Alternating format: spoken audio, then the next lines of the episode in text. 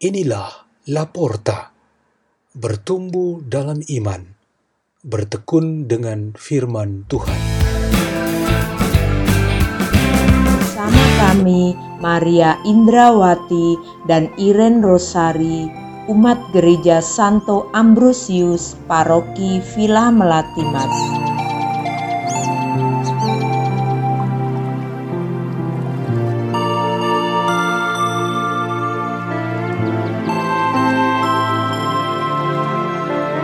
Bacaan dan Renungan Sabda Tuhan. Hari Rabu, Pekan Biasa keempat, 3 Februari 2021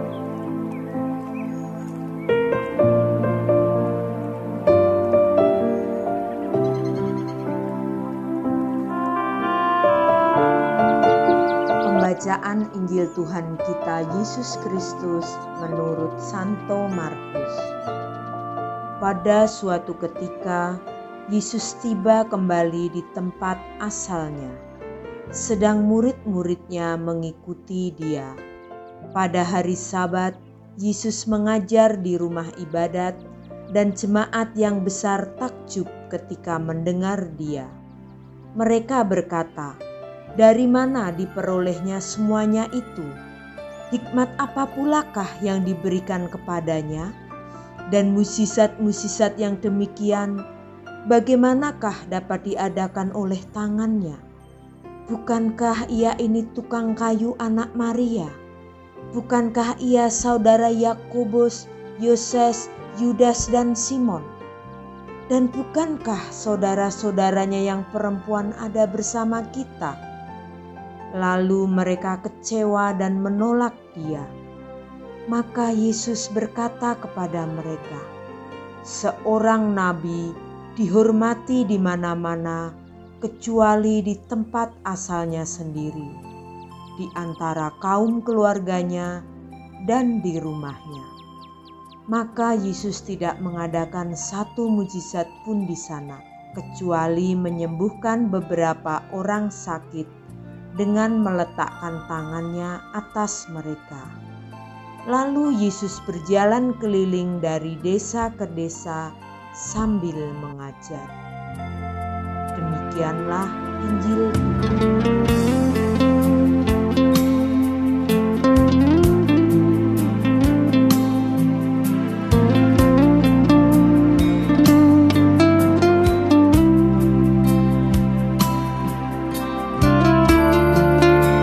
renungan kita pada hari ini ialah lain di hati, lain di bibir.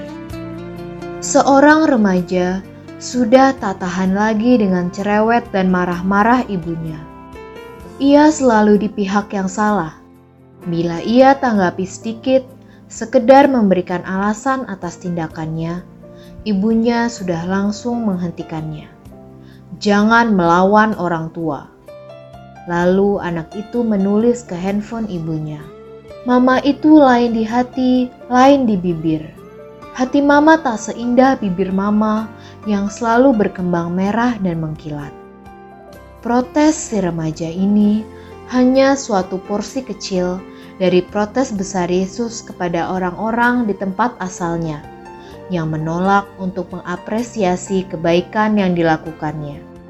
Sebenarnya, mata mereka melihat kemuliaan Tuhan yang terjadi mulut mereka mengucapkan bahwa telah terjadi mukjizat-mukjizat.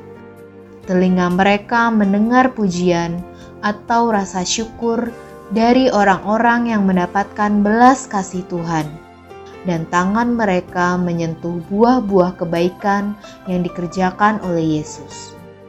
Tetapi kendala terbesar ialah hati mereka keras, iman mereka tumpul, dan jiwa mereka tertutup untuk mengakui bahwa semua yang diperbuat Yesus adalah dari Allah sendiri. Sebenarnya Tuhan sendiri berada di antara mereka.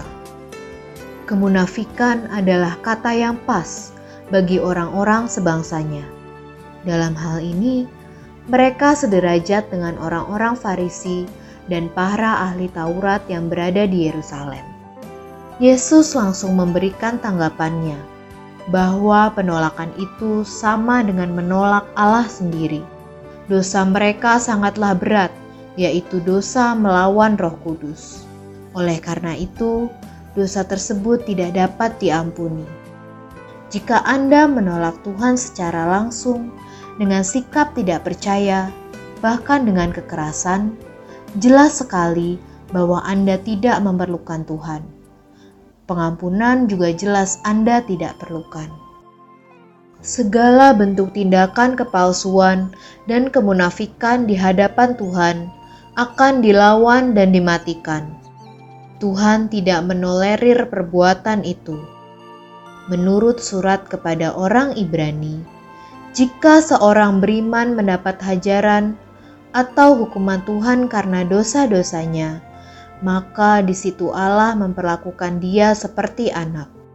Ini adalah sebuah pendidikan seperti ayah kita mendidik kita. Jadi, hendaknya kita menerima dengan lapang dada semua kritikan, bahkan hukuman yang setimpal dengan kemunafikan kita. Kita mesti menyatakan "amin" atau "ya" dalam perkataan, dan dengan cara yang sama kita tunjukkan di dalam perbuatan. Pilihan hidup kita mengikuti Kristus perlu kita isi dengan keyakinan bahwa penderitaan, kesulitan, dan masalah adalah ujian bagi kematangan iman kita. Pada hari ini, kita dinasehatkan oleh surat kepada orang Ibrani bahwa Tuhan sepertinya membiarkan kita dihajar oleh kesulitan dan penderitaan, tetapi justru melalui semua itu kita dilimpahkan dengan kasih dan kerahimannya. Marilah kita berdoa dalam nama Bapa dan Putra dan Roh Kudus. Amin. Ya Yesus Kristus, perkuatkanlah kami untuk mampu melawan semua kepalsuan yang selalu ingin menguasai pikiran dan kehendak kami. Bapa kami yang ada di surga, dimuliakanlah namamu, Datanglah kerajaanmu, jadilah kehendakmu di atas bumi seperti di dalam surga. Berilah kami rejeki pada hari ini, dan ampunilah kesalahan kami, seperti kami pun mengampuni yang bersalah kepada kami. Dan janganlah masukkan kami ke dalam pencobaan, tetapi bebaskanlah kami dari yang jahat. Amin. Dalam nama Bapa dan Putra dan Roh Kudus. La porta, la porta, la porta.